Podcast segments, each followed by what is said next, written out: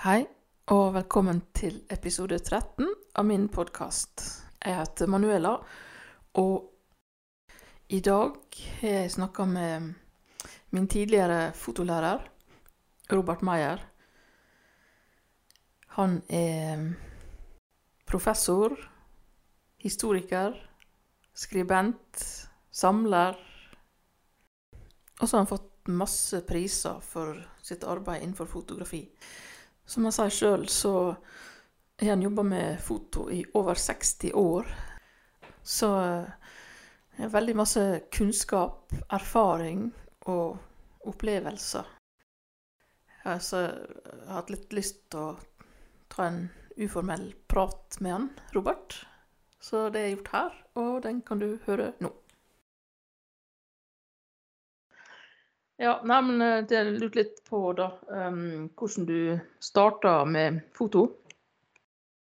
Det begynte i grunnen da jeg var ganske ung, som guttunge. Mm. Og jeg hadde en eldre bror som hadde fått låne et kamera av morfar.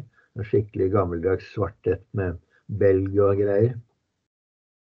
Og han, eh, da han var ferdig med det, så var jeg så nysgjerrig på det at jeg fikk det. Og mitt første kamera var sånn veldig gammeldags, ja, fra eh, helt i ja, slutten av 1800-tallet, begynnelsen av 1900-tallet, et eller annet sted rundt der.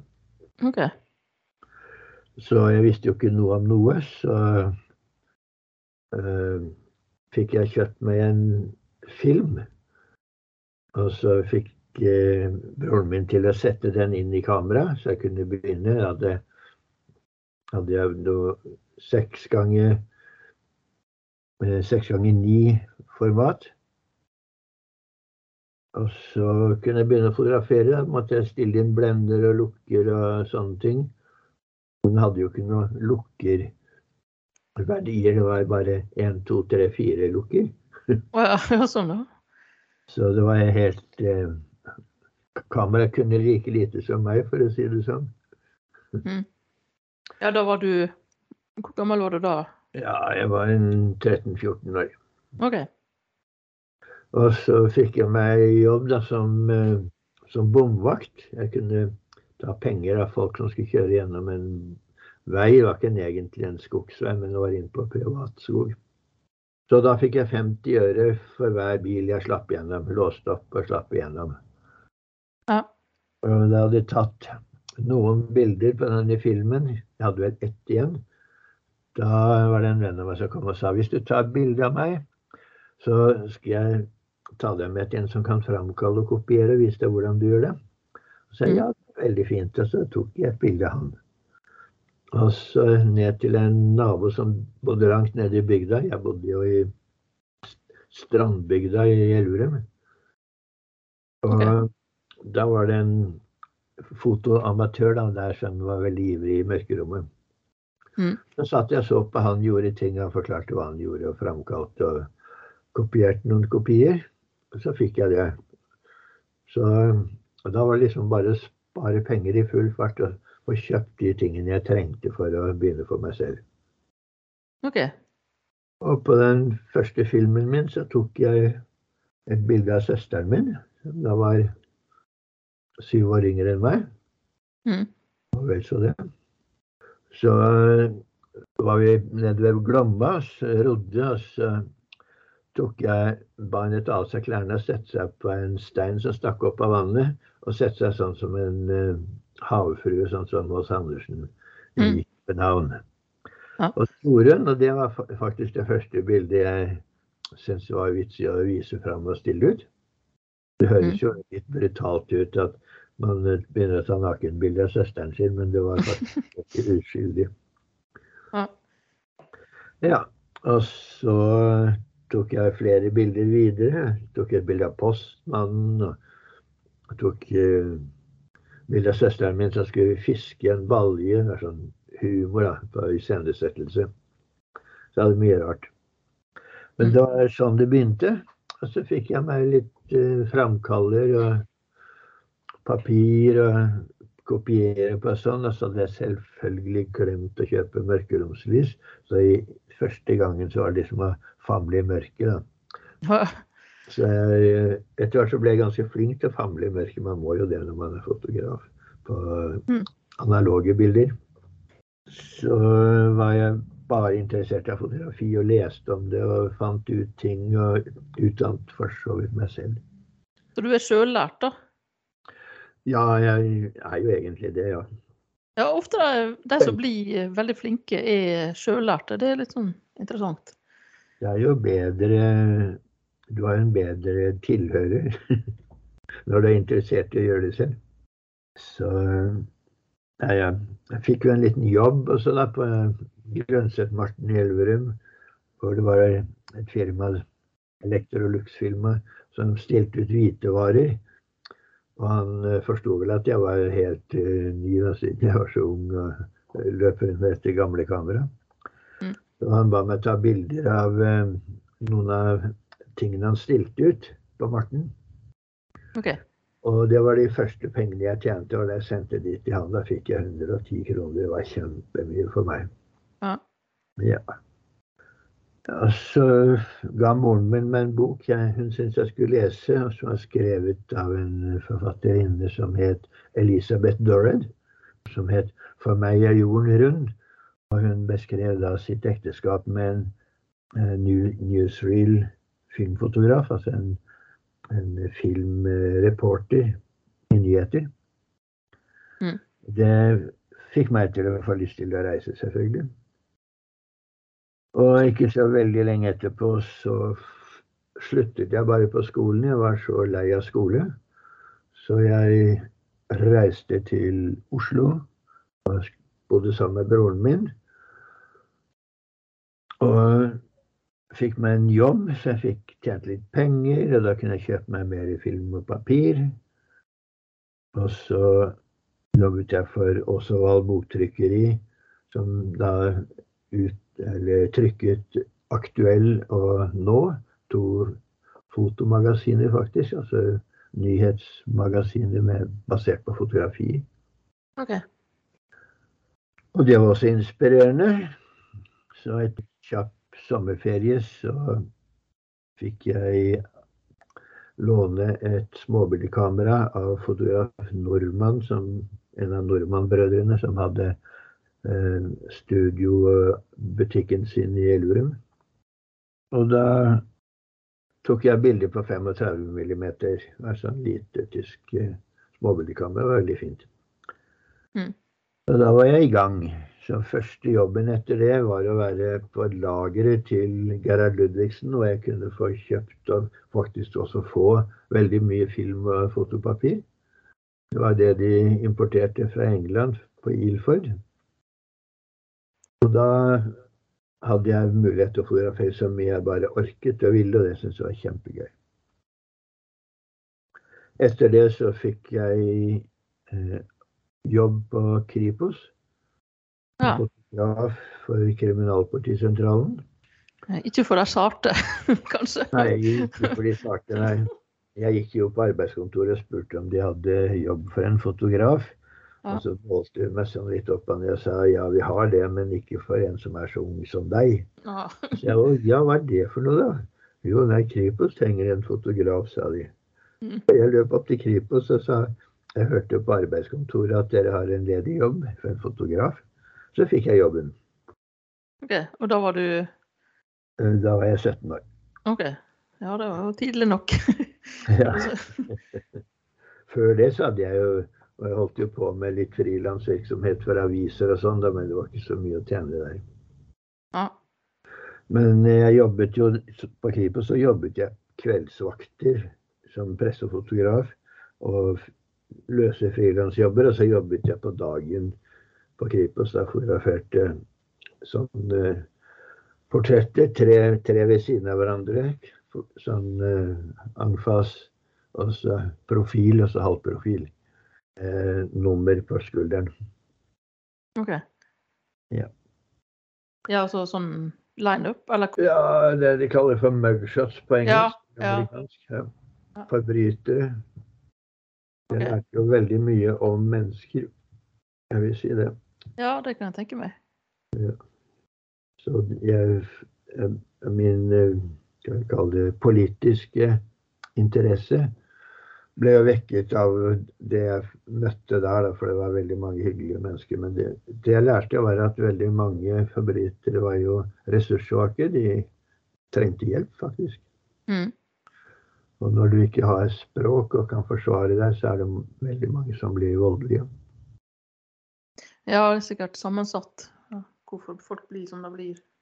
Ja, det var i hvert fall ikke så mye kriminalromanstoff jeg møtte. Men de var veldig hyggelige mot meg. Ja, så jeg hadde det bra. Ja, var det noen fotografer eller kunstnere du var inspirert av? Sånn? Nei, altså helt fra begynnelsen av så ble jeg veldig interessert i fotohistorie fordi jeg leste meg jo inn i det jeg fant å lese på. Mm. Og det første bildet fra historien som fenget meg veldig, er et bilde av Hill Adamson i Skottland. Er et bilde av to kvinner og et fuglebur som heter The Bird Cage. Det syns jeg var veldig fint. Det var tatt på papirnegativ og kopiert på saltpapir. OK. Det inspirerte meg veldig. Ja. Jeg ser uh, her uh, er det visst folk som er satt i gang med fotolab igjen. Mørkerom. Uh, det er på en måte på vei inn igjen. Ja, det har vel aldri vært helt ute. Jeg vet Nei. Samfunnet har holdt på med negativ, positiv i, hele tiden. Og det er, flere, det er vel flere steder du kan få framkalt sort-hvitt og kopiert også. Ja. Det er noen som syns det er magisk, og det forstår jeg godt. For det å første gang stå og se ned i fremkallerskålen skålen i, i dette dårlige lyset, så kommer det jo fram litt skygger, og så utvikler det seg, og så bygger Mm. det seg opp et bilde. og Det er jo kjempespennende. Ja, ja jeg, jeg har faktisk prøvd det sjøl. Det, det var veldig helt utrolig når du ser det bli til da, under, ja. i prosess- prosessen. Og så er det alltid spennende å se hvordan altså, Det er mange fotografer som har sagt at de fotograferer for å se hvordan eh, det blir i fotografi, det de ser. Det er jo en god start. Jeg var nysgjerrig på når du gjør det, hva er det som gjør at det er du som har tatt det, og får litt kontakt med hvorfor man tar bilde og, og sånne ting. Ja. Sant. Så det er alltid Den magien der, jeg kaller det magi, for det er jo ren magi, den eh, har alltid fascinert meg. Det gjør den enda, selv om jeg nå bare fotograferer digitalt. Ja, jeg bruker du kamera eller mobil eller eh, begge deler? Det er, nå er jo mobilene så vidt bra at det går an å fotografere sånn så du kan i hvert fall legge ut på nettet. Men ellers så har jeg kamera enda, da. Ja, så du bruker det i tillegg? Ja da. Ja. Og det, det er jo det, det morsomme med, med digital fotografering er jo at du kan justere det akkurat sånn som du vil. Mm. Ikke noe som er sant eller ekte. Det er jo Fotografi er veldig preget av den som har tatt bildet. Ja. Veldig ofte så tenker man nei, jeg fikk jo det, jeg fikk det ikke til sånn som jeg ville. Så begynner man å lete etter hvordan man må gjøre det for å få det sånn som man vil. Mm. Men ethvert fotografi er jo, er jo merket av fotografen. Kanskje mer. Jeg bruker å si at det er mer i et fotografi enn det du ser. Ja. Om det er utenfor bildet, eller om det er noe som kommer, eller noe som har gått. Bild, Mm. Fotografisk bilde eksisterer jo liksom i krysset mellom både den horisontale og vertikale og, og den tiden før og etter. Mm. Så jeg syns det er interessant, i hvert fall. Eh, Ja, hvis du skal velge ett bilde eh, som er, du syns er ditt aller beste, da? Ja, jeg har spurt om det. ja, kanskje det er vanskelig. Du har tatt en del tusen opp igjennom. Ja, men et bilde som har fulgt meg hele tiden, som jeg har vært veldig glad i hele tiden, det tok jeg i 1965 i Stockholm. Ja. Jeg gikk på Christer Strømvold på fotoskolen, det var derfor jeg var i Stockholm. Men jeg hadde en avtale med en uh, musikkgruppe jeg skulle fotografere. Og mens jeg ventet på de på Høtorget i Stockholm, foran Konserthuset, så er det plutselig en mann i hatt og frakk som begynte å danse. Danse, så, så jeg tok et bilde av han som danset. Så tenkte jeg kanskje han er kjent, han er altfor god til å bare være danser for egen del. Jeg har aldri fått vite hvem det er. Aldri snakket med ham. Men uh, den gleden han har med danser, har en, en liten sigarettstump mellom fingrene som han løfter hånden høyt opp og danser. Så jeg tenker på Henrik Wergeland skrev en sånn diskusjon han hadde i avisen. De hadde sagt et eller annet om han, han ikke likte det, om han kanskje var sur og sint og sånn, i Morgenbladet. Og så skriver han da i svar i slett lune, jeg, Morgenblad, jeg som bare behøver et glimt av solen for å fylle seg en glede jeg ikke kan forklare. fornærmelser, ulykken, perler i mitt sinn som skal pryde mitt livs diadem. Ja, poetisk. En sånn livsglede, det syns jeg har fanget litt av i det bildet. Derfor er jeg veldig glad i det. Ja. Ja, ja jeg tror jeg har sett det bildet, faktisk. ja. ja. Men det var helt det, det er tatt helt spontant. Det var ikke planlagt eller noe sånt.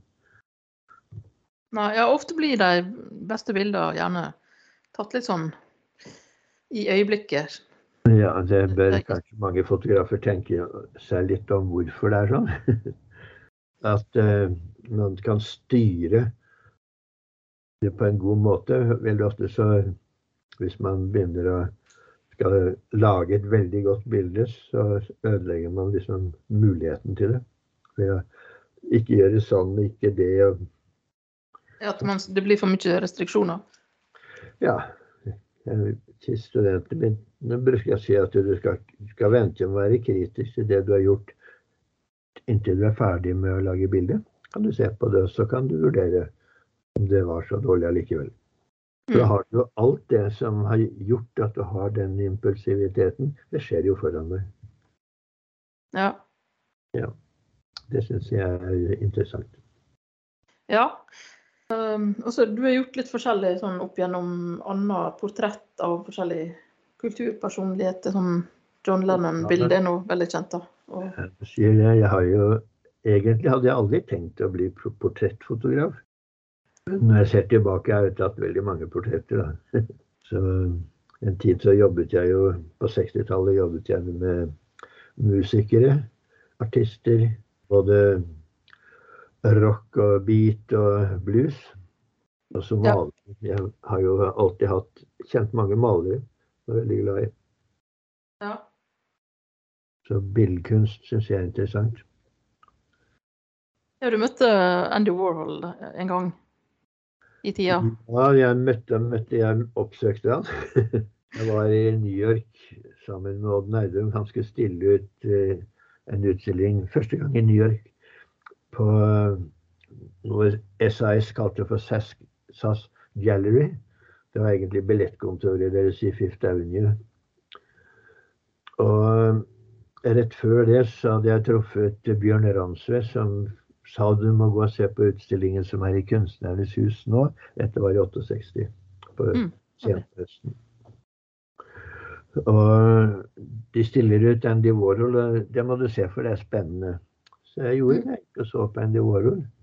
Da jeg var i New York, så ringte jeg til Andy Warhol. Det var slått telefonnummeret hans i katalogen. Og spurte om jeg kunne komme og hilse på. Og det kunne jeg godt gjøre. Fikk avtale og tok med Odd. Og Odd var ikke noe interessert i Andy Warhol. Og ja, Odd Nærdrum var med han? Ja, jeg tok med han. Derfor jeg var i New York.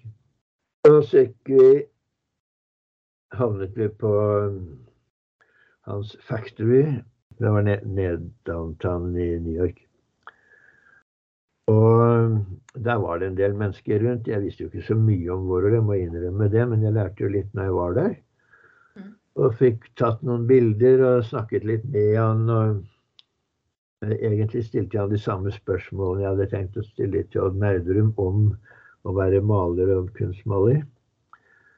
Så jeg lagde et uh, dobbeltintervju med dem. Det Ja. har forsvunnet med tiden. Det, jeg det var moro da. da. Så fikk jeg tatt bilde av Warhol som sitter bak skrivebordet. Så speiler han seg for det er glassplater på skrivebordet, slik at han blir liksom Han ser ut som en sparknekt, som jeg kaller det i bildet. Og så et par-tre bilder til. Et portrett i telefonen, og et hvor han står på gulvet i, i Factory. Ok, Så det var liksom sånn samarbeidsvillig, da? Ja, ikke noe vanskelig i det hele tatt. Ok. Svarte i grunnen så, som han hadde lyst på de tingene jeg spurte om også. Jeg må si at jeg hadde vel ikke så veldig intelligente spørsmål. Men vi hadde i hvert fall kontakt. Ja, Var han vel sånn formelt, sånn som folk eh, Nei, han var vel verken sjenert eller formelt, men eh, han snakket vel ikke i utide heller. Ja. Nei, han var grei nok. Mm. Det er lett å snakke med, syns jeg, da. Ok. Så jo, jeg spurte om han var religiøs, han hadde et kors i glidelåsen på jakka si. Ja. Og da tok han venstre hånden og tok korset inn i den, og så så han en annen vei. Å ja, vil ikke svare på det. Så svarte han litt tullete på ting, da, men det var sånn moren hans var en indianer og sånn. Men det var bare skøy. Men jeg fikk eh, en håndskrevet billett til å gå og se en av filmene hans, Odd og meg. Okay. Den måtte jeg fotografere, da, for ellers hadde han vært borte nå. Vi gikk jo så på den filmen. Ja, var den slip, eller var den noe var? Nei, den var, var vel Flesh, tror jeg. Ok. Ja, ja. Men dette var jo rett etter at han var kommet ut av sykehuset etter å ha vært eh, forsøkt myrdet. Da, så oh, ja. Men han eh, virket veldig oppegående nok, han, okay. så han hadde klart seg godt gjennom det. Men det var en del andre i, i Factory også som, som en, Jeg vet ikke hvem de var av navn alle sammen, men en var liksom sånn Care less. Sånn, gikk bort til et annet skrivebord og satte seg ned. og Så la han seg oppå armene sine med hodet og sov. Så interessert var han. Ja. Men jeg fikk et bilde av Andy Warhol som sitter i vinduskarmen og ser én vei, så sitter Odd ved siden av han og ser en annen vei. Han hadde ikke så mye kontakt. Men jeg har tatt bilde av de også hvor de står mot hverandre, da. Ja. ja, det er jo litt sånn forskjellig oppfatning Ja, av ting og tang, kanskje. Ja, jeg fikk gå rundt og ta de bildene jeg hadde lyst. Men det var jo sent på kvelden og sånn, så Mm. jo da.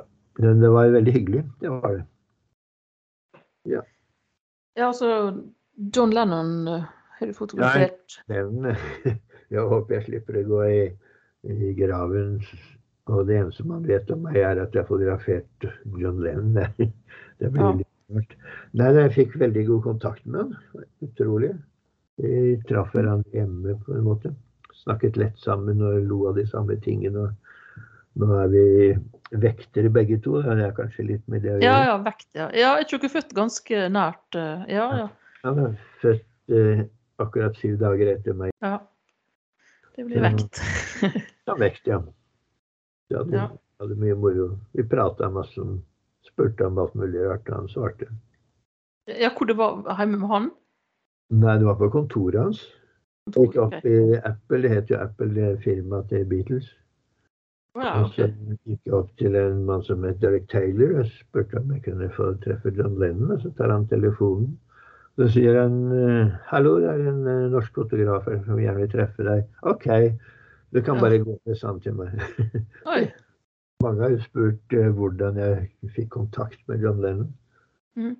Så jeg, etter hvert så begynte jeg å svare sånn som John Lennon ville ha svart, nemlig jeg snakket engelsk. Ja, jeg hadde litt sånne finurlige svar på Ja, ja. Men han var veldig hyggelig. Noen dager etterpå jeg var innom for å levere noe i resepsjonen i Apple. Da plutselig sto han ved siden av meg og sa Jeg hadde jo hatt en en lang samtale med han over en time. Men da han sto ved siden av meg jeg håper ikke du trenger å snakke mer nå, for jeg har så dårlig tid. Men han hadde tid nok til å si det. For han skulle reise til New York. Ja. og holdt på å pakke sammen. Men bare at han kom og, og gjorde det, var jo veldig hyggelig. ja, var han eh, mer snakkesalig, eller hva skal jeg si, enn uh, Andy Warhol, eksempel? Ja, vi hadde en helt annen type kontakt. Ja. Ja, jeg, jeg visste jo godt uh, hva slags hva slags humor og sånn uh, John Lennon hadde også. Så. Nei, vi hadde altså, Vi behøvde ikke anstrenge oss om noe. Jeg spurte om han hadde vært i Norge. Og så sa han litt fortvilt ut og sa han, jeg, jeg har vært så mange steder, så jeg vet ikke hvor jeg ikke har vært. ja. Lyst til å komme til Norge? Ja, ja gjerne. Mm. Bare inviter, så kommer vi, sa han om og Yoko. Mm. Så senere, når jeg kom tilbake til Oslo etter at jeg var da i London i tre uker, fire uker kanskje, i mai. Mm. Og så hadde Julie Felix, som jeg traff, spurt om ikke jeg kunne hjelpe henne til å komme til Oslo. Så sa jeg jo, det kan jeg se hva jeg kan gjøre med. Og så skaffet jeg en eh, mulighet til å holde en konsert på Klubbsjø. Okay. Og etter det så spurte jeg om å komme igjen og reise enda mer. Både nordover i Norge og ned i Sverige. og På sånn. Så jeg tenkte jeg går til Studentersamskipnaden og spør om vi kan gjøre en avtale der. Og så ordner jeg så hun skulle holde en konsert i, i eh, Dovrehallen. ok. Og etter det så var jeg vel innom og spurte om de var interessert i mere. Ikke Mm. Julie Felix, som Det de har ikke lyst til John Lennon og Yoko Ono. Mm. Og da sa de det, sånn fikser vi sjøl, altså. ja, ja. ja vel, ja. Da så. Så eh, John Lennon kom aldri til Oslo, da. OK. Men hadde jeg skrevet til han, er jeg sikker på at de hadde kommet. Ja. Han gjorde sånne stunts innimellom. Ja. Ja, så eh, Rolling Stones med hører vel Nei, Det er en egen historie. De, jeg bodde i Stockholm i 65. Og de kom til Stockholm for å holde konsert, første konserten i Sverige. De hadde okay. vært i Danmark og holdt konsert der, og så skulle de komme til Stockholm. Så kom de jo til eh, Oslo i juni, så det var Mm. litt senere. Men eh, jeg fotograferte jeg traff de for så vidt på pressekonferansen. Og så fotograferte jeg de i konserten. OK. En som spilte i oppvarmerbandet til, til eh, Stones, et svensk band som het Merriman. Han eh, Akkurat hvordan det skjedde, vet jeg ikke, for det har han ikke forklart meg. Men han fortalte det er han som kjørte de ut til Hesselby, hvor jeg bodde. Jeg bodde i et ja, lite kollektiv, kan du si. For det var en, en uh, norsk-amerikansk, uh, egentlig en norsk uh, artist som het Jan Rode, som hadde dette huset fra plateselskapet, så han hadde et sted å bo i Stockholm. OK. Og der var det en eh, av de svenske impresarioene som hadde andre grupper, da, som, som uh, Lenda Likings og sånne ting. Og så var det en tegner, en vitsetegner, som er kjent fra Oslo, som også var der. Mm. Med Petter Thon osv. Og så kommer de med Rolling Stones. Han, han, Men kjørte de ut der et par mil utenfor sentrum av Stockholm. Mm. Så det var en stille, rolig aften. Surrealistisk, kanskje. alle alle eh, rockeinteresserte, Stones-interesserte lette jo rundt høyt og lavt i Stockholm etter det. Så det var jo ikke hos oss. Ellers var det alltid fullt hos oss, for det var ofte eh, en, party etter at jeg hadde vært på Nalen. Det var veldig mye som skjedde på Nalen. Så det, det var veldig få som var der ute hos oss. Men det var koselig. Så Ja. pratet litt med noen av dem. Keith eh, var jo veldig sjenert, så han sa jo nesten ingenting. Satt bare i en hjørne innerst inne i stua. Ja. Hvor gamle de var da? I 65 Ja. Ja, vi var vel eh, 20 år, tenker jeg. Altså, de er litt eldre enn meg, da, så det var vel tre- 23 eller noe sånt. Å ja, det var, det var så unge. OK. Ja. Så har jeg snakket en del med Mick Jagger, så snakket jeg en del med Bill Wyman, og så snakket jeg ganske mye med Brian Jones. Jeg fikk veldig god kontakt med han. Han Ja. Jo Norge veldig godt. Så senere, da de kom til Norge, så så han hadde satt det så fint. Så polerte hele pressekonferansen i Oslo da. For han begynte å snakke om da han var i Stockholm. Men eh, nei, det var jo Brian Johnson som startet eller satte sammen Rolling Stones i sin tid. ja. Så det var veldig morsomt. Men jeg fotograferte jo Jeg tok en serie bilder av Brian som sitter og skriver på skrivemaskinen min. Det var vel det morsomste jeg gjorde ja. Så var det Bob Dylan. Jeg, jeg har jo ikke truffet han sånn personlig, egentlig. Han, uh, han liker ikke sånt. Men uh, jeg fotograferte han første gang han var i Norge, i, på Drammenshallen. Okay. Og det var jeg forbudt å fotografere, men jeg bar kamera likevel. Så var det ingen som protesterte på det. Pressefotografene var henvist til å stå i motsatt hjørne og bare fotografere de to første låtene eller sånn. Men jeg satt foran, så jeg var heldig. Og så tar jeg opp kameraet og skal fotografere, og så kiler det seg fast. Funker ikke i det hele tatt. Og så klarer jeg å få løs objektivet. Men jeg kunne ikke sette det på kamera, for da ville det bare kile seg.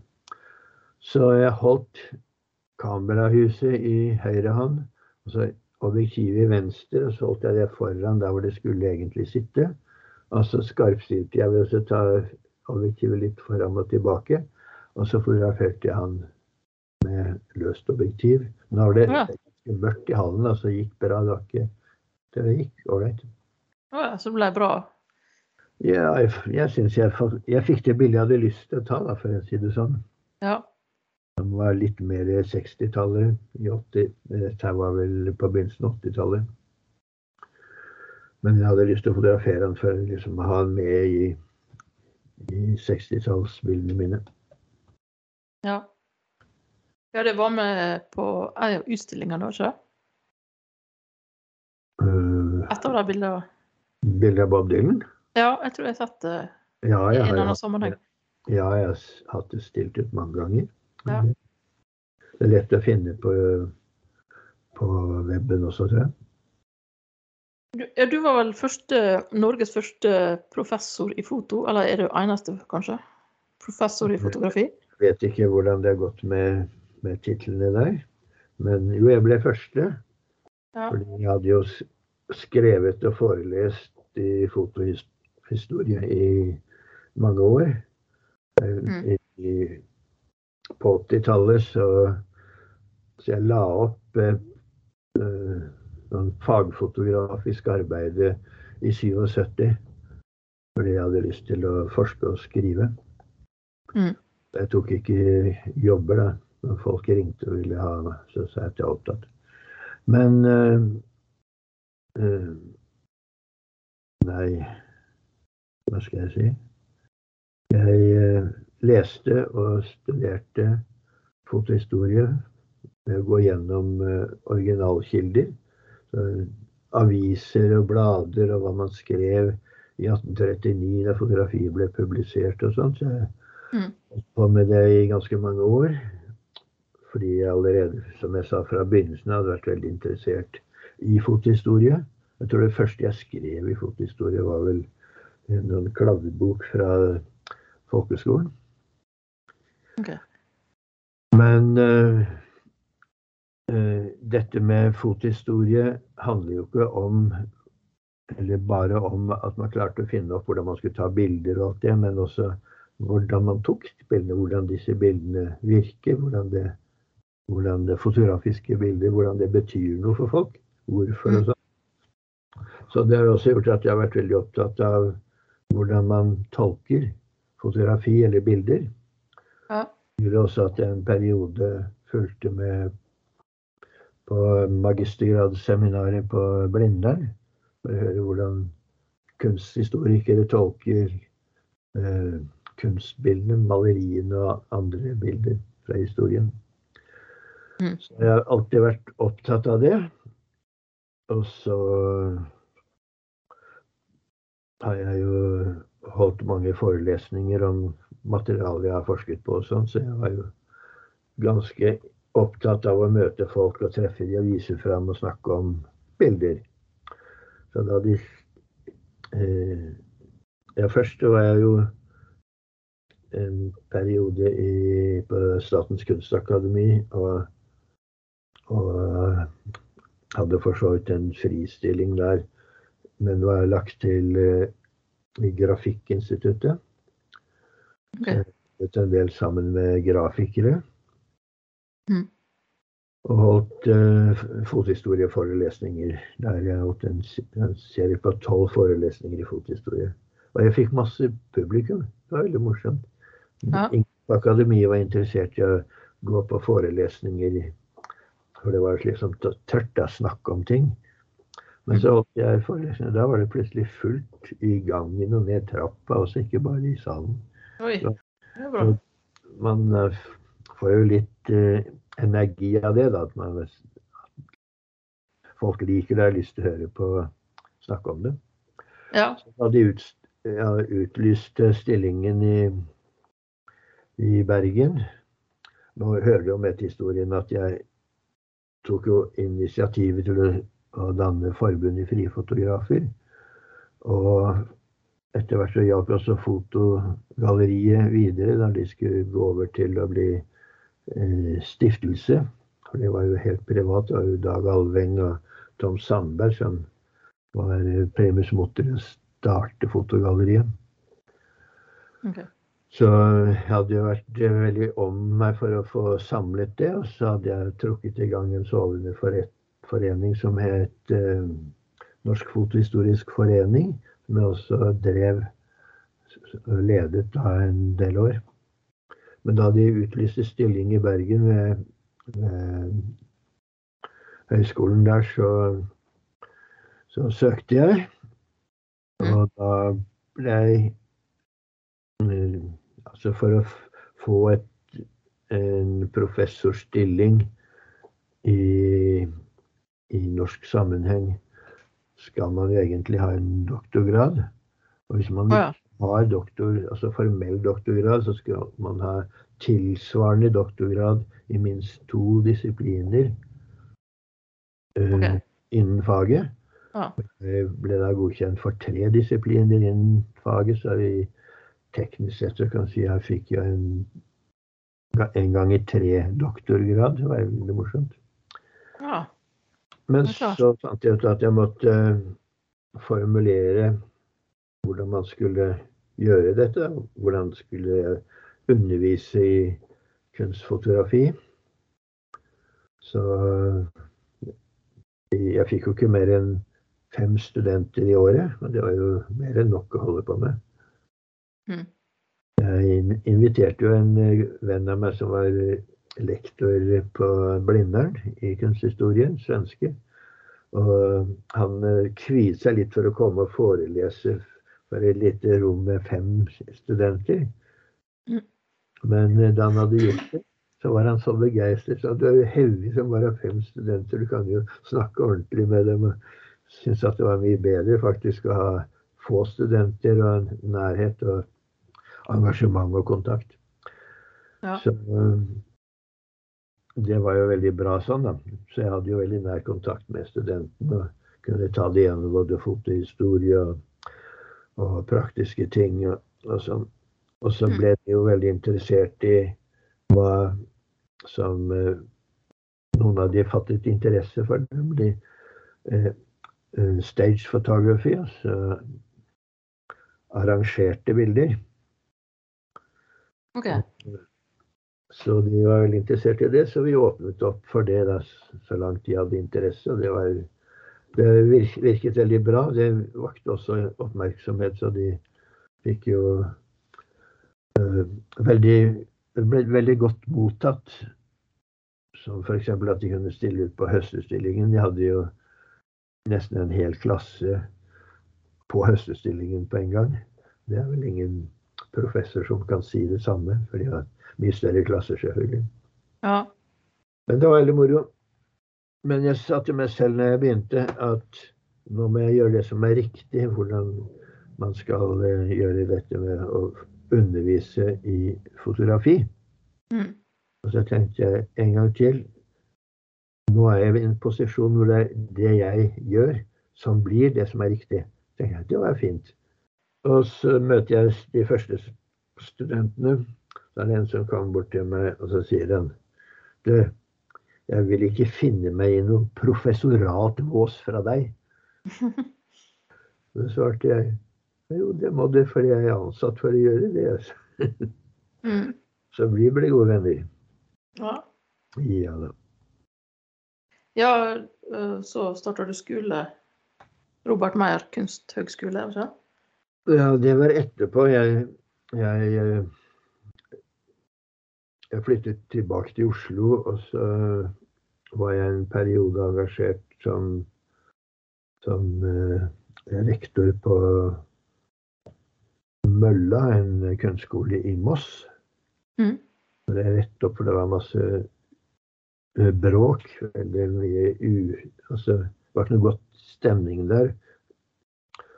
Så jeg fant ut hvordan jeg skulle løse opp det, og så klarte jeg det. Så var styreleder er kjempeglad. Mm. Og så kommer folk og sier du må fortsette å lage skole i Oslo. Og så, ja, kanskje det, ja, jo, jeg får gjøre det. Så begynte jeg med det. Og så begynte jeg å få studenter. og Så var det masse byråkrati med at du skulle ha lånekasse og det ene med det andre. Mm. Men jeg drev i noen år, da. Og så Ja. sluttet jeg i 2007, var det vel? Seks det siste året. OK. Ja. Vi hadde veldig fine studenter der òg. Alt handler jo om at studentene er interessert, og er interessert i å finne ut uh, Stille spørsmål ved ting og, og sånn. Mm. Istedenfor å liksom, gå og drikke øl ikke ha gjort oppgaver og ikke gidde å gjøre sånn. Det, det syns jeg var kjedelig. Ja, nei, det eh, Ellers, eh, hvordan du syns fotoet endra seg de siste åra med tanke på ja, fot... Eh, senere, etter Ja. at jeg har forlatt Jeg har ikke forlatt det, der, men jeg har sluttet å undervise i noen år. Jeg har vært opptatt av andre ting. Men eh, Nei, jeg syns jo at eh, det er lite engasjement, Okay. som jeg ser det. Det er kanskje litt dumt å si det, men jeg syns nå det er litt langt imellom mellom eh, perlene. Ja, nå er liksom alle mobilkamera, så alle kan Ja, men- siste utstillingen jeg var på eller Det siste er to utstillinger. En som var i Fotogalleriet, og en på, på Paris Fotomuseum i Horten. Og Mm. de skeive utstillingene det syns jeg har vært veldig fine. Det er veldig mye bra ting. Så det er ikke, jeg er ikke negativ til samtidsfotografi. Men du nevner uh, iPhone og fotografi. Ja. Jeg syns jo iPhone både er en lettelse, for det er så lite og enkel kamera, lett å fotografere med. Mm. Og et problem, for det er at folk fotograferer jo i hytt og pine uten å tenke seg om. Sånn. Men det, det er jo deres sak, ikke min. Ja. Hvordan ser du for deg eh, fotografiets utvikling framover? Hva jeg ønsker meg framover, er vel at eh, folk, altså fotografene selv, begynner å ta fotografi alvorlig på den måten at de, når de skjønner hvordan dette fungerer, så vet de bedre hvordan de skal få gjort det de kanskje har lyst til. Men da skal jeg ikke si hva at man skal ha lyst til det rette alltid. Men eh, det, det jeg syns er eh, interessant i fotografi i dag, og egentlig gjennom hele historien vår, det er de fotografiene som har den eh, Kanskje noe av den spontane eh, interessen som jeg tok med han danseren på Ja. Stockholm. Mm. At det er noe som skjer som berører deg på en måte. Og Mm. Eh, Ja, hva skal jeg si? Det handler om, om hvordan vi oppfatter og ser ting, selvfølgelig. Ja. Og vi har jo eh, Vi mennesker, sikkert mange flere enn oss, men vi mennesker har to former for hukommelse. Mm. Og den ene hukommelsen er den vi kaller for den rasjonelle hukommelsen. Og det er jo det at vi husker hva vi så, hva vi gjorde, hvor vi var. Så, som, som vi kan snakke om i språklig form. Og så er det en annen hukommelse vi knapt vet om, men som er litt vanskelig å få tak i når man vil. Men det er jo den, den eh, bakenforliggende hukommelsen som begynner med førspråklig hukommelse. Så hvor vi, hvordan vi begynner å møte verden. Mm. Eh, Hvordan fosteret i en alder av 25-26 uker kognitivt opplever at de er noe i, i, inni noe annet. Vi kan føle både på det som er utenfor og det som er innenfor. At man får en kognitiv bevissthet. Og så hører man jo lyd. Sansene blir jo for så vidt det, det som gjør at vi begynner å forstå eller bli nysgjerrig på ting. Og når vi blir født, så får vi også lyset. Mm. Og den utviklingen som skjer før vi får språk, den er ganske omfattende. Og den ligger der under bevisstheten vår uansett. Noen kan kalle den for intuitiv eller intuisjon. Ja. Man kan kalle det for mye, men i hvert fall så påvirker den både hvordan vi liker og misliker ting, og hvordan vi opplever det, uten engang å sette ord på det. Og jeg, det er ganske vanlig at uh, man kan hente uh, hukommelse fra studentene mine når de skulle snakke om bilder. Så de, de, ikke, de fant ikke så lett ordene de skulle bruke. Så ved å hjelpe de til å finne de, Mm. Så blir det lettere å forstå egentlig hva man har gjort også. Så Ja, bruker, man bruker kanskje mer intuisjonen når man eh, det, intuisjon er den vi kan eh, snakke om. Mm. Så det er liksom toppen av den. eh, Vi skal si kirsebæret på toppen i skremen. Men mm. under dette her hele veien så ligger det en mengde erfaringer som vi har koblet og strikket med. Og noen kommer til, kaller til overflaten eller til bevisstheten. Så jeg vet om at ja, når jeg spiser iskrem og det er kaldt og søtt og sånn, så er det godt. Mm.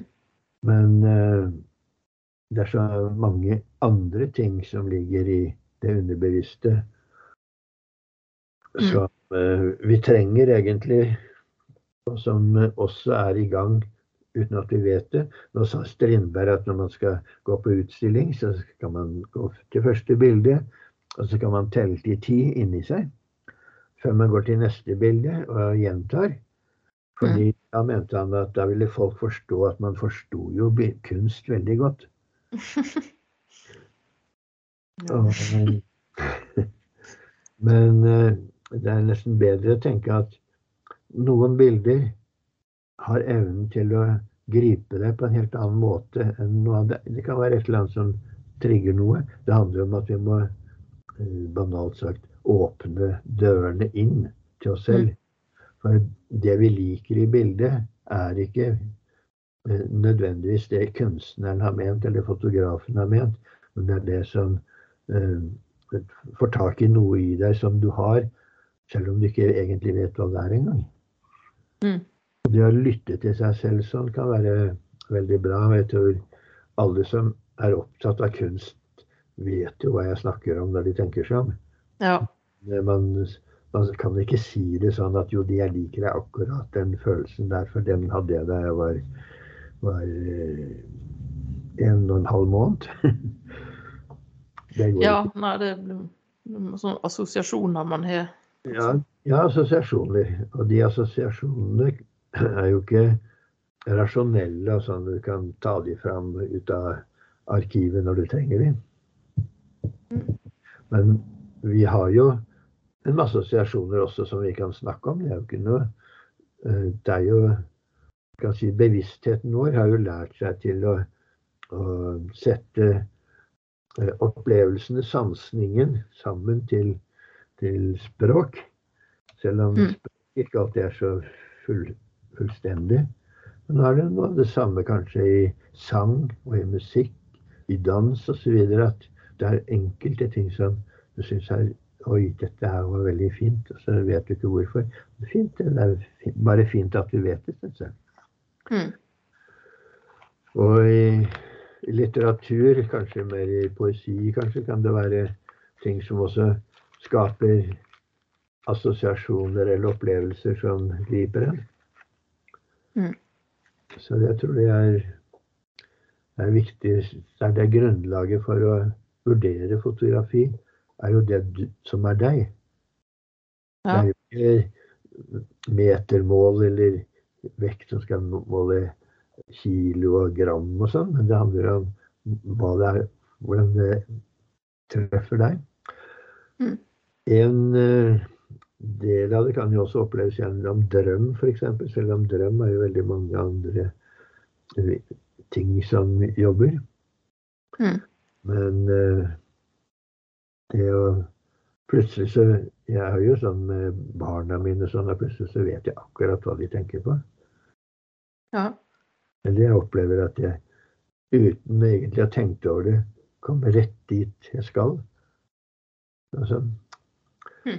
Det, er, sånn noen kaller sjettesans. Amerikanerne jobber veldig mye med, med grunnforskning nettopp på den type opplevelser.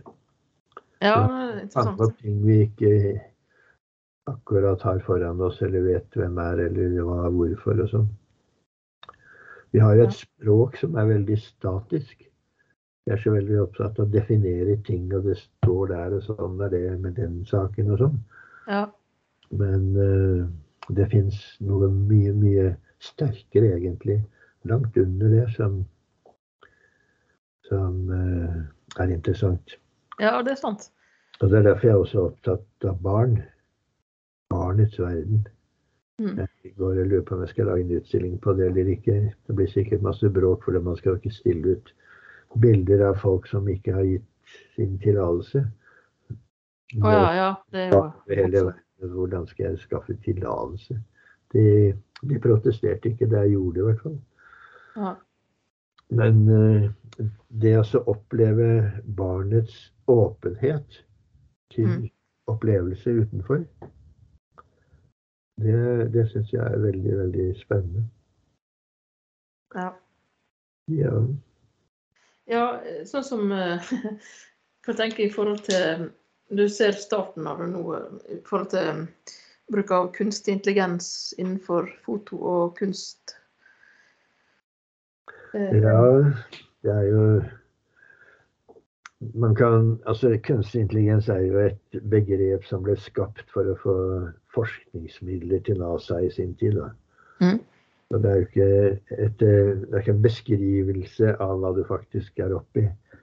Det mm. man snakker om med kunstig intelligens, er jo å få maskiner til å utføre ting eh, ved at de får de impulsene de skal for å gjøre det. Som en mm. robot, f.eks. Ja. Men ja, for, for... den kunstige intelligensen, den eh, mangler jo den menneskelige siden, da. Eller kanskje den, den, underliggende som jeg snakker om. Som gjør at det kan være, være Altså det som skaper kunstig intelligens, uh, det noe Det ligner jo ikke på fotografi. Det handler jo om Hvis du kjører en traktor på et jorde og pløyer, så er det klart at den gjør det du ber den om, for, fordi den er intelligent, denne traktoren. Og ikke plogen heller, men det er laget så du gjør det du vil. Så den mm. Resultat av en lang utvikling, kanskje en industridesigner som har funnet ut hvordan dette skal virke. Men uh, det er vel uh, Jeg vet ikke om man kan forelske seg i en dampmaskin. Kanskje noen har gjort det, og det angrer på det. Ja, nei, eksempel hvis du da eksempel du, du skriver en lang tekst, og så ut fra det skal ja. uh, algoritmen uh, skape et bilde, da. Som du mm. igjen kan modifisere og så jobbe med fram og tilbake. sånn. Da blir det på en måte Da blir det kanskje en menneskelig faktor i den ja, interaksjonen, da. Skape en maskin som gjør sånn som du vil, f.eks. kjøre motorsykkel. Men jeg vil fremdeles ikke kalle det en kunstig intelligens. Men jeg vil kalle det intelligent bruk av eh, mekaniske hjelpemidler eller digitale hjelpemidler. Ja, ja. Det blir Hvis du sammenligner en maler med en fotograf ja. Fotografen er liksom Maleren, sitt verktøy. Maler mal, eh, maling på et lerret. Mm. Det er jo morsomt, det, men jeg skjønner ikke hvorfor det er så morsomt. Han må jo gjøre noe med det. Altså forme det i Altså skape et, uh, en illusjon. Et fotografi er jo heller ikke en virkelighet. Fotografi er jo flatt papir, kanskje, med noe farve eller eh, noe svart-hvitt på. Så ser du helt fra siden, så ser du ingenting av det. Men når du ser det rett på, så ser du Det har jo holdt workshop for tiåringer over hele landet. Mm. 1600 tiåringer ca. Og da med Edvard Munchs selvportretter for at de skulle lage ja, jobbe med det som er interessant i dag, sånn selfie og sånn. Men mm. de tok jo veldig mange andre typer bilder. Men de fikk jo lære at det bildet du ser, er ikke sånn det egentlig ser ut. Men det er sånn noen vil at du skal se det. At det er en eh, intensjon bak at bildet fins. Nemlig at mm. noen har villet ta det. Og det lærte de veldig fort. Og så begynte de å se på Munchs bilder om det var gjennomsiktighet, om det var gjenferd og mulig sånt. Det var kjempemoro å snakke med tiåringer, for de hadde ikke blitt helt fikk, Jeg har ikke fått lære helt hvordan bilder skal se ut, og det er så bra. For da lagde de sine egne bilder. Ja, det er et godt poeng. Ja. For um, hvis man skal hele tiden lage sånne bilder som andre vil, så er man jo ja, man er bundet til å mislykkes. Og man ble underkastet andres kritikk. På skolen da jeg underviste, så syns ikke jeg at autor, altså opphavsmann, skulle uh, forklare sitt eget bilde. Tvert imot. Det er det verste du kan gjøre, for da blir det at vedkommende unnskylder seg at det ikke er blitt sånn, og det kunne ha vært det og sånn. Men jeg fikk eh, resten av klassen til å evaluere eh, dens bilder, den som skal vise fram. Og på en mm. måte så ba jeg dem å finne hva som var bra i bildene. Og så får jeg en mye mer konstruktiv og inspirerende samtale om bildet enn om Eh, vedkommende som har lagd det, var misfornøyd med det. Ville vært noe annet og snakker seg selv bort. Mm. Og det syns jeg har eh, virket veldig bra. Og jeg vil si at uh, veldig mange av de studentene jeg har hatt som tok ting på alvor, har gjort det veldig bra. Ja. Og det er jeg veldig glad for. Nå har jeg en liten jente som heter Tuana, som uh, er veldig opptatt av fotografering nå. Så jeg sier til meg selv hele tiden ikke fortell henne hva hun skal gjøre. Når vi gjør det, så kan vi snakke om det. Og det, det funker veldig fint. Da. Hun er kreativ som bare det. Ja, ja. Hun, jo, hun, lar seg jo påvirke av hva andre sier og når hun holder på og sånn. Ja, det er vanskelig å unngå helt. Ja. Men hun uh, må jo forholde seg til det også når hun fotograferer. Da. Ikke bare når hun viser ham bilder. Ja. Men det, er, det som er litt kjedelig, syns jeg, nå skal jeg være litt sånn tilbakeskuende igjen, og det er at man har jo hele tiden sagt at fotografiet dokumenterer. Det er en sannhet. Ja. Men det er jo ikke helt det. Jeg hadde jo en student som kom inn på kontoret mitt en gang og så sa at ja, men fotografier er bare å ta bilde av det som er rett foran kamera, det er vel ikke noen kunst? Mm. Og så sa jeg mener du at fotografiet bare gjør det som er sant, da? At det er sannheten? Ja, det er jo bare sannhet. Og så jeg Se på det bildet på veggen der. Det er et fotografi av Oskar 2., og du kan se til og med signaturen hans. Mm. Mener du at det er sant? Ja, er det ikke det, da? Ja, men da mener du at Oskar 2. var kanskje 35 cm høy, var helt brun og flat? Ja. Nei, det hadde han ikke tenkt på. ikke sant? Men du er så vant til å se fotografier at du egentlig ikke ser på dem. Vi studerer det ikke engang. Vi bare kjenner igjen hva motivet er, og så er vi fornøyd med det. Og så mister vi alt annet. Mm. Og det er jo litt kjedelig, da. Det er tatt veldig mange fine fotografier. og Tenk på pressefotografene som i alle år har slåss for å, for å ta de bildene de har lyst til og syns de skal og sånn, men alltid har vært underlagt at det skal være veldig bra virket på avisen eller i avisen og, og sånne ting. Men, men hvis vi ser på pressefotografene med eh, litt andre øyne, så ser vi at veldig mange av de gjør kjempegode jobber. Mm. Det er kanskje fordi de ikke blir vurdert sånn, men de blir, blir kalt for eh, dokumentarister eller noe sånt. Men det er jo ikke det. De, det er jo deres subjektive opplevelse av Mm.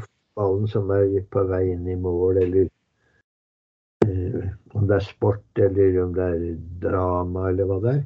De hele tiden formidler, akkurat som journalister formidler subjektive opplevelser. Og det jeg kunne tenke meg å jobbe med seriøst fremover, er jo nettopp eh, det vi kaller pressefotografi. Eller fotojournalistikk er kanskje riktigere. Ja. I 72 så var jo denne berømte Watergate-skandalen. Mm. Husker du kanskje? Er du så gammel? Hørt om den. Ikke sant? Washington Post gransket disse greiene. Richard Nixon, som var president, i det vi kaller for Watergate-skandalen. Mm. Og redaktøren i Washington Post, han het Ben Bradley. og Han, han hadde ansatt to av de beste gravejournalistene han hadde, til å jobbe og få fram eh, det som hadde skjedd under Watergate. Men så ble han spurt om, om eh, dette var sant, det de skrev. Ja. Så erklærte han at vi trykker ikke sannheten. Vi later ikke som eh, We don't pretend to print the truth. Vi later ikke som vi trykker sannheten. Ja. Vi, vi trykker det folk forteller oss. Og dette Mm. utsagnet hans, det satt så godt at det har faktisk noe liksom endret forståelsen av god journalistikk, nemlig at det er en person som ser, hører, forteller, gjenforteller, Mm. og har slett ikke eh, eh, noen sannhet annet enn at eh, det er en opplevelse de har hatt. Og på den måten så er eh, både journalistikk og fotojournalistikk subjektiv. Og det er de som er flinke til å formidle den subjektiviteten, det er de som blir verdsatt. Gudskjelov. Mm. Ja. Ja, nei, det um, I forhold til ja, Jeg tenker sånn um, Det som er litt sånn uh, dystre med tanke på dette med kunstig intelligens og foto eh, Noen eh, mener at eh, kanskje kunstneren blir, vil bli erstatta av robot. Eller, Hva, hva du er- tenker Tror du, tror du det? Eller? Det er science fiction. Ja. Det er ikke dystert i det hele tatt. Det, det behøver ikke være det. Jeg mener, ja. det er mange år siden man fikk oppblåsbara Barbara i butikken. Jeg har ikke vært noen som har gifta seg med de. Eller eh, som jeg sa, du, det hjelper jo ikke. Du blir jo ikke noe lykkelig av å være forelsket i en dampmaskin. Kan det hende at du opplever at du har gjort det. Det er noe helt annet. Ja, nei, jeg så det skulle være Det var faktisk var ikke det første utstillinga en robot skulle ha en eller annen plass jeg leste. Det hørtes litt uh, rart ut. uh, ja, det er jo det. For at eh, da skal roboten gjør jo det noen har fått den til å gjøre. da. Den er jo programmert for det. Men hva ja, med elefanter som maler figurativt, da? Mm? Elefanter som maler figurativt? Ja, ja. ja. Jeg, jeg jeg, det. Helt greit, det. Ja. Men det vi har litt vanskeligheter med, det er å sette oss inn i det å være elefant og så gjøre det. Men vi kan se på det som at vi ser en elefant gjøre det. Mm. Men det, denne medmenneskelige forståelsen mm. er mye nærmere det du egentlig bruker når du ser noe og liker det. Og et eller annet sted i dypet der ligger jo egentlig alle de sanselige erfaringene du har kunnet få gjennom sansene dine. Varm, kald og lys, mørk, alle disse tingene. ikke sant? Mm. Og da er det hvordan du opplever den sanselige eh, verden du kan forklare. Mm. Så under der så ligger det ligger noe av din erfaring som det er det du bruker når du egentlig også ser på, på annen kunst.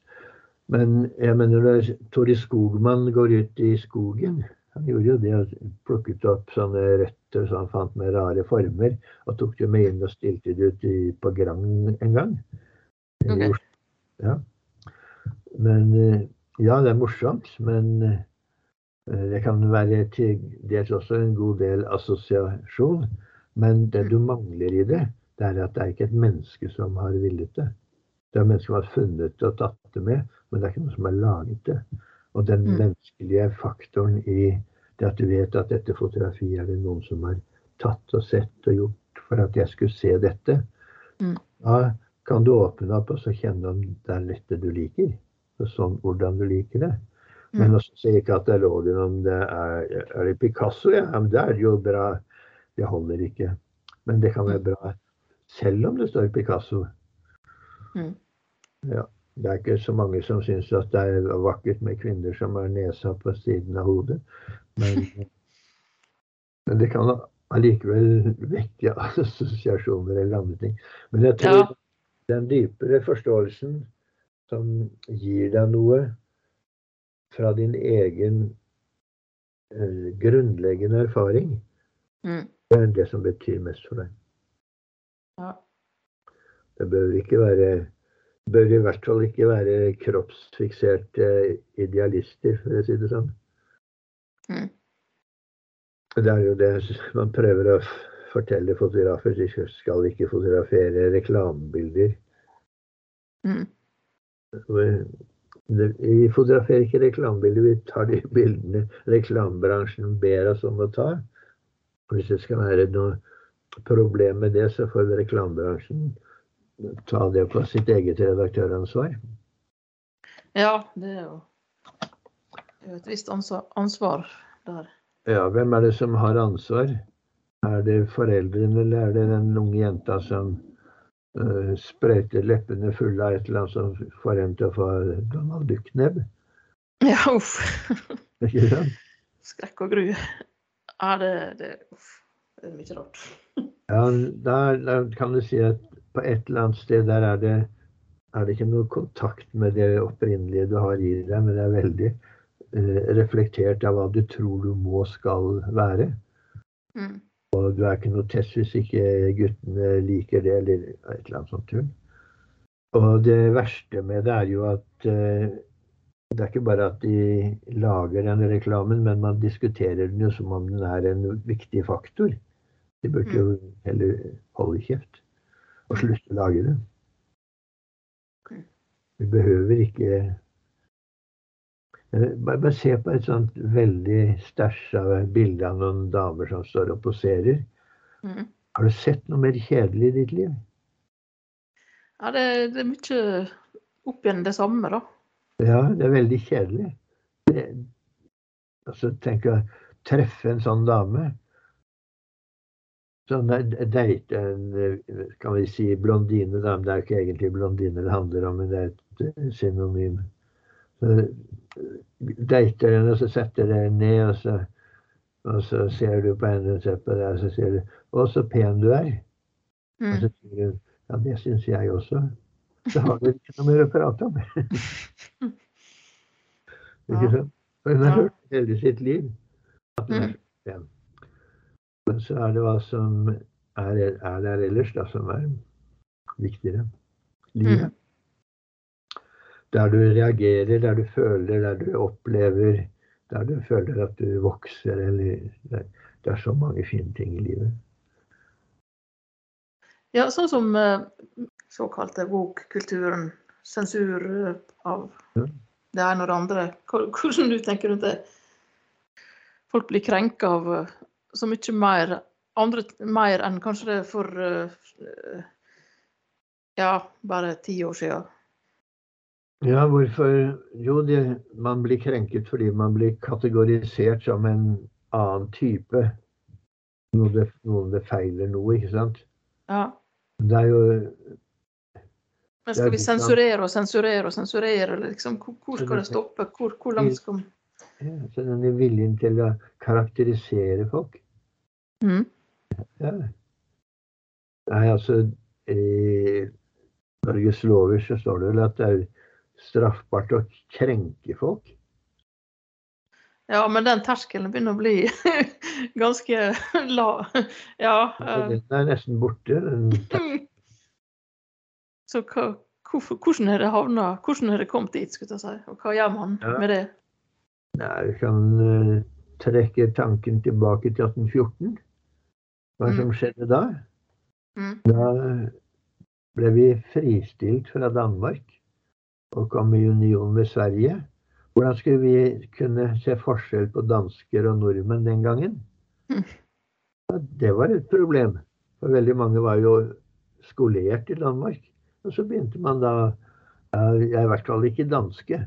Eh, Alle, alle som var de andre, de var de stygge og dumme. Og det var det danske.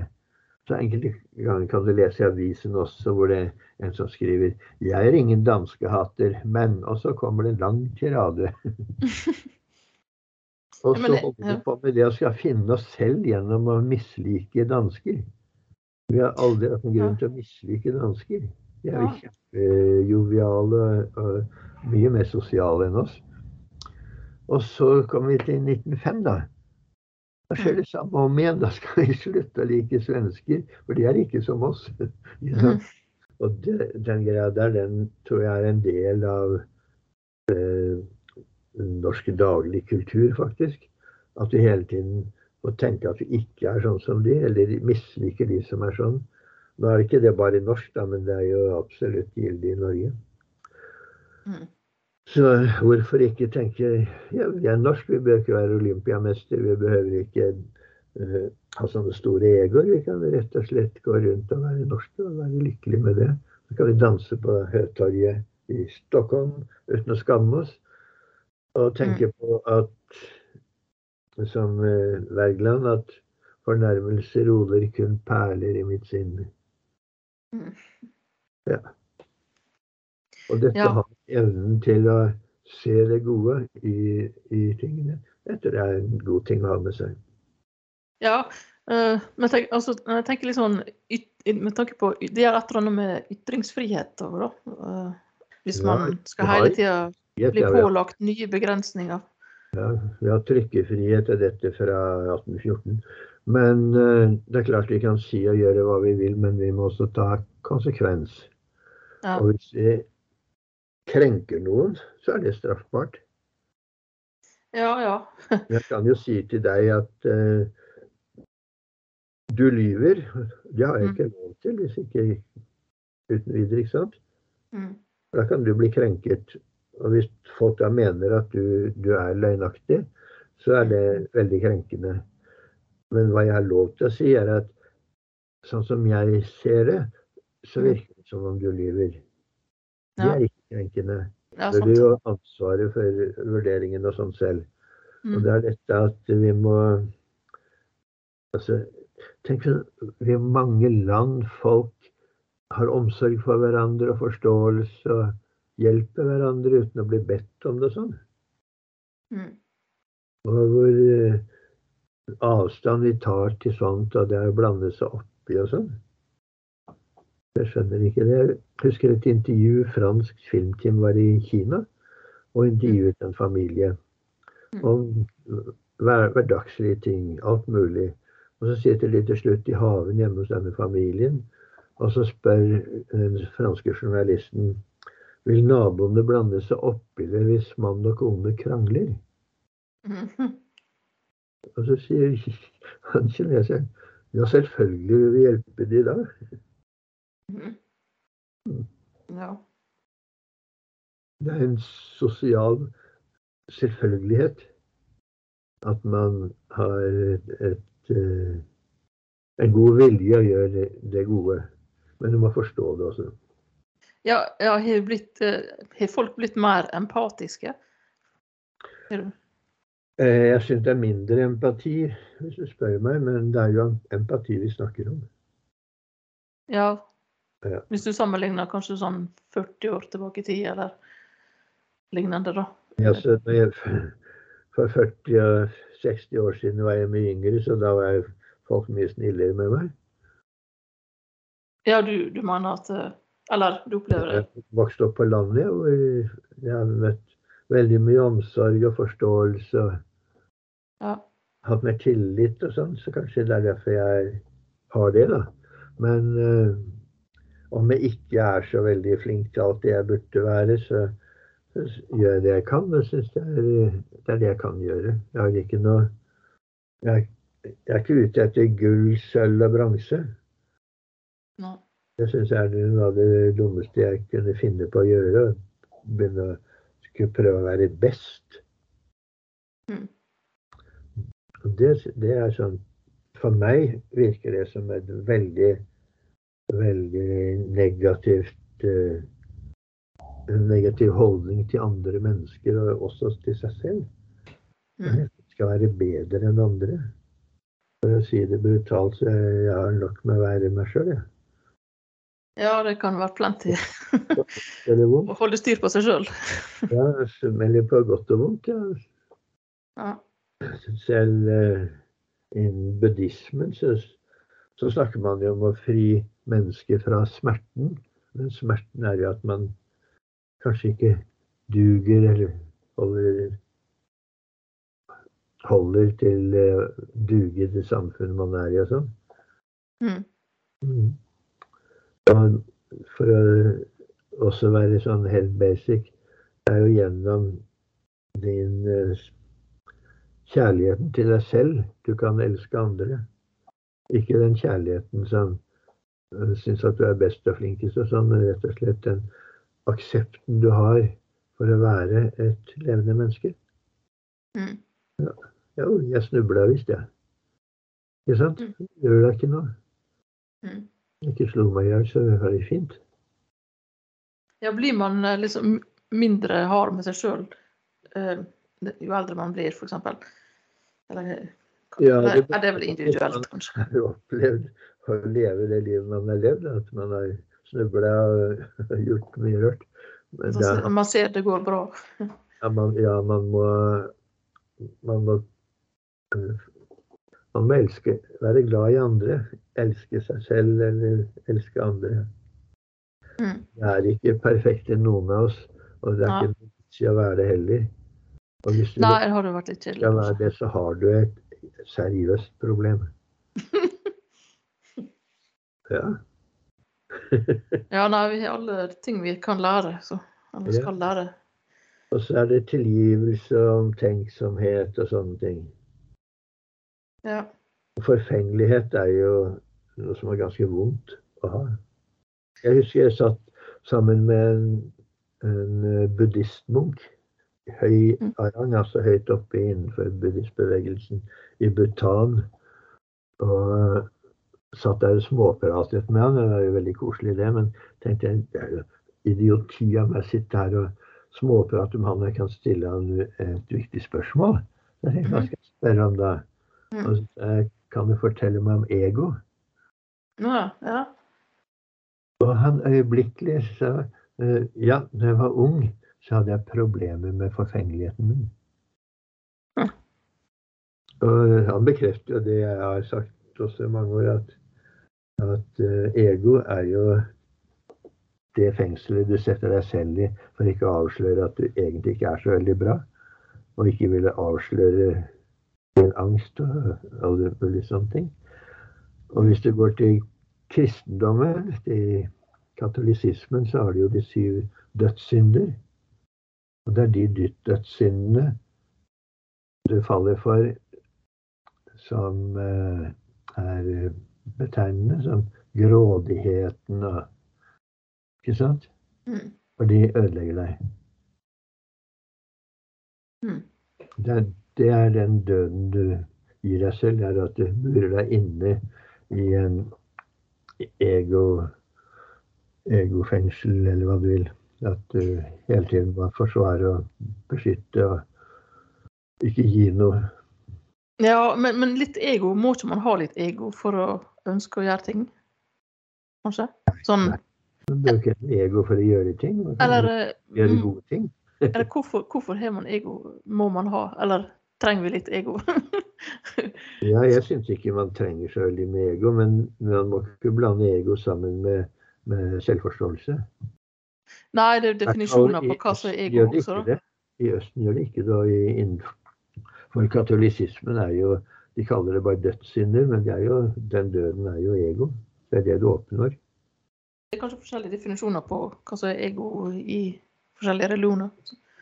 Ja, men eh, det er vel en felles ting at hvordan du, du vurderer deg selv, eller hvordan du aksepterer deg selv.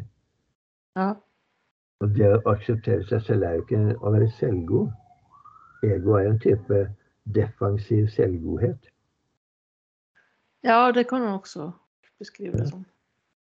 Men vi, vi har jo ego som, som en, et mål å nå.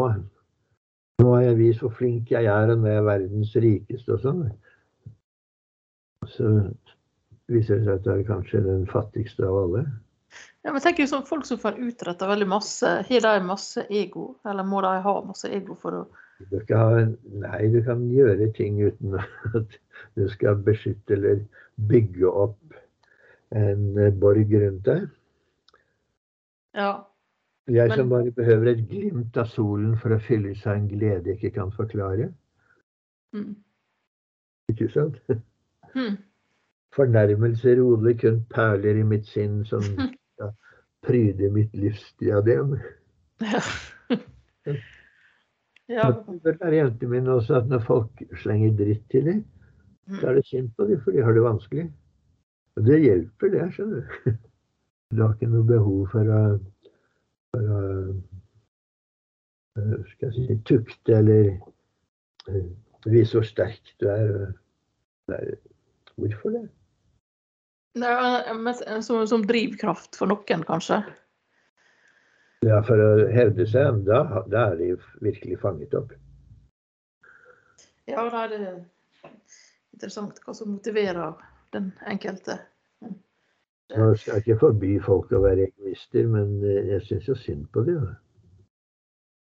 Hva er du opptatt av ellers for tida? Jeg? Ja. Ja, jeg er veldig opptatt av at datteren min fotograferes. Synes det er så moro. Så jeg har tenkt å lage en utstilling for oss to sammen. ja.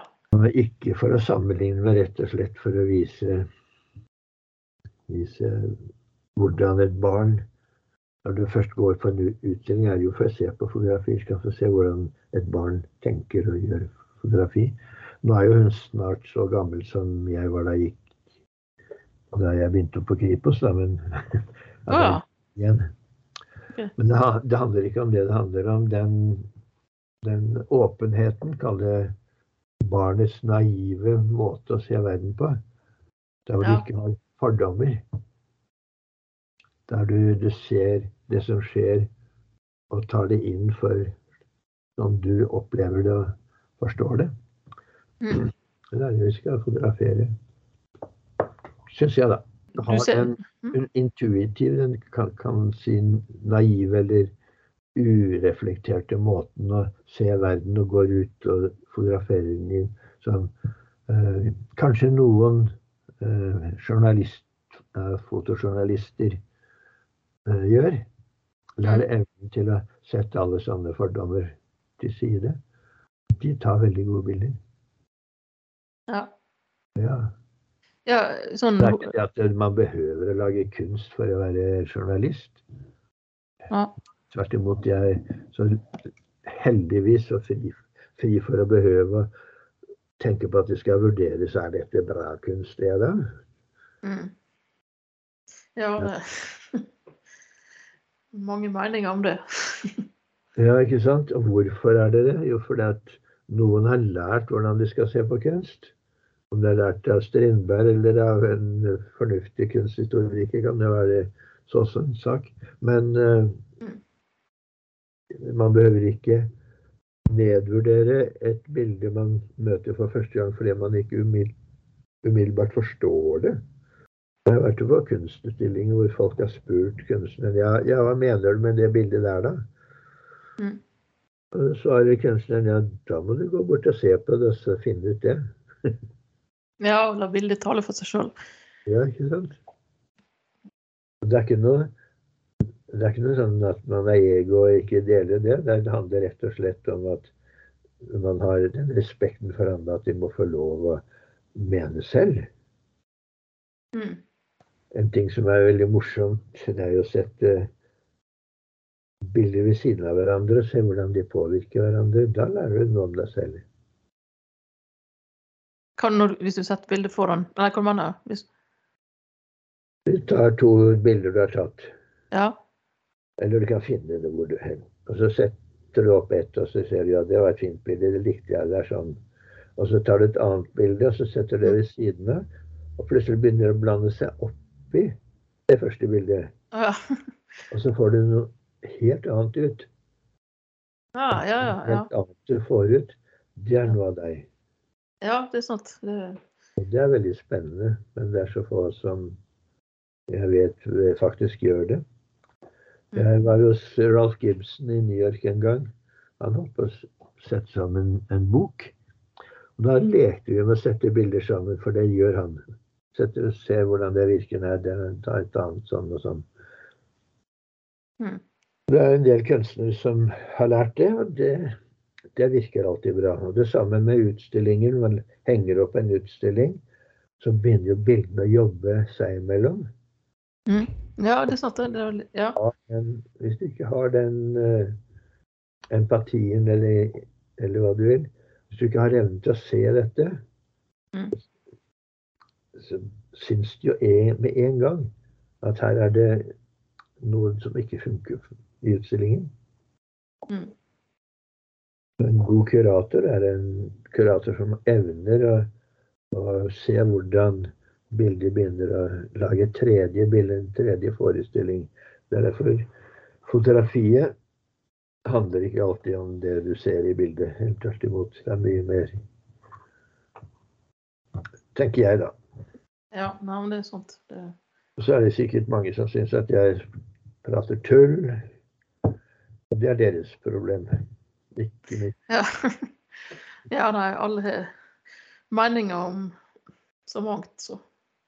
Ja, Men mm, når man tar et bilde, kan man jo tenke Eller det er litt med hva man ønsker å formidle sjøl, da. Eller hva man ønsker, ønsker å si. jeg velger bilder for å vise fram, så tenker jeg jo det. At Mm. Nå kan jeg vise noe kanskje dette uh, kan bety noe er morsomt for andre. Mm. For ellers hadde jeg ikke vist det. Nei. Jeg har ikke behov for å vise bilder for at folk skal si 'å, så flink du er til å ta bilder'. De er skarpe. Men den er ikke skarp. Ja, det er sant. Det er liksom noe som henger seg opp i veldig det tekniske. Å, det er ikke skarp, da er ikke det bra nok, liksom. Jeg syns det er mer interessant med sånn, å eksperimentere litt, da. Ja. Jeg husker Bård Breivik hadde en utstilling på Høvikodden. Han hadde sånne skulpturer, sånne lange, som så ut som årer. Det var vel det som var utgangspunktet også, at det skulle ligne på årer. Ro- Og så kom, var det en gutt som så på det, og så sa han eh, han for, Bård fortalte meg at han, han, gutten hadde sagt ja, men du kan ikke ro med de årene der. Mm. Da sa det Bård svarte han det er mange forskjellige hav i verden å ro på. Ja. Men eh, det som er så fint med barn, er at de, de forteller hva de mener med en gang. Eller ganske fort. Da er det viktig å lytte til dem. Ikke Mm. fortelle dem, lytte. Man skal lytte til barn. Tenk så mye du går glipp av hvis du ikke gjør det. ja. Det, det er viktig å lære seg å lytte. Det er en kunst, det med. Ja, ikke sant? Ikke prate så mye som jeg gjør. ja, noen å prate med. Nei da, men eh, noen ganger snakker jeg jo Eller provoserer jeg for å få folk til å snakke om ting. Og andre ganger for å prater jeg for å høre hva jeg mener om ting. Det er ikke alltid jeg vet det heller. Mm. Det er det er morsomt for meg, da, i hvert fall. Ja. Nei, men eh, det fins mye både fine ting og mindre fine ting kanskje i andre mennesker, men, men eh, bare det at de er våkne og, og ser og lever og sånn, det er det viktigste. Mm. Ja. Altså du er Det workshop så er det du, er, du jobber med nå framover? Det er utstilling, da, eller? Eh, Nei, nå har jeg lyst til å stille ut, men jeg vet ikke om jeg skal stille ut barnebildene, eller om jeg skal stille ut eh, ja, Jeg tenkte kanskje jeg skulle lage en Warhol-utstilling, for nå er det jo, er det jo eh, veldig mye vårol i tiden. Ja, det har vært sånn serie på TV, og Ja. det er stadig vårol. og så har dronningen hatt med vårol å gjøre, og sånne ting. Det er ikke så veldig mange år siden det å være Warhol var ganske ekkelt, det, fordi han var jo homse. Ja, ja, ja, jeg så noen filmer på Netflix. da, var, var veldig bra, faktisk. Jeg vet ikke om du så det? Om sett den? Så det, der laga stemmer som var litt sånn creepy. De de brukte sånn robotteknologi der også. Ja. Det var liksom at det skulle høres ut som det var han som fortalte, da. Men det var et eller annet som var litt sånn off med det. Men altså, det kunne høres ut som han, men det var litt sånn Ja. Ja, nei, det var veldig bra, da, syns jeg. Det anbefal, anbefales. Men det man ikke skal lure seg til, er å tro at kunstnere er dumme som ikke klarer å tegne bedre. Man kan fort bli opphengt, litt for, for opphengt i det tekniske, syns jeg. Mm. Nei, det er ikke sånn det skal være. Ja Jeg har lyst til å si til man kan ikke du vise meg hvordan det skal være? Ja. Morsomt. ja, men det er kjempemorsomt. Jo da, det er derfor jeg er undervist. For jeg har alltid lyst til å vite hvordan andre vil at ting kan være. Ja. Ja ja. Nei, men eh, nå har vi faktisk holdt på i over en og en halv time allerede. Ja vel, jeg har da. Så jeg vet ikke om det er noe annet du vil snakke om før vi runder av? Noe annet du har på hjertet? Jeg kan holde på i timevis, ja, men det er ikke nødvendig, det. Men det var hyggelig å prate med deg. Ja, det var veldig hyggelig. Veldig spennende. Vi kan prate når som helst siden også, vi. Ja. Det er lenge siden jeg har vært hos meg som student nå. ja. Og et lite glimt av glimt av, glimt av tiden, skal jeg si. Det virker som eh, jeg, har hatt eh, Eller jeg har fått inntrykk av at mange som jobber med foto, også har en sterk intuitiv kvalitet eller karakter. Det er hyggelig å høre. Det er vel det jeg har, har lett etter selv om.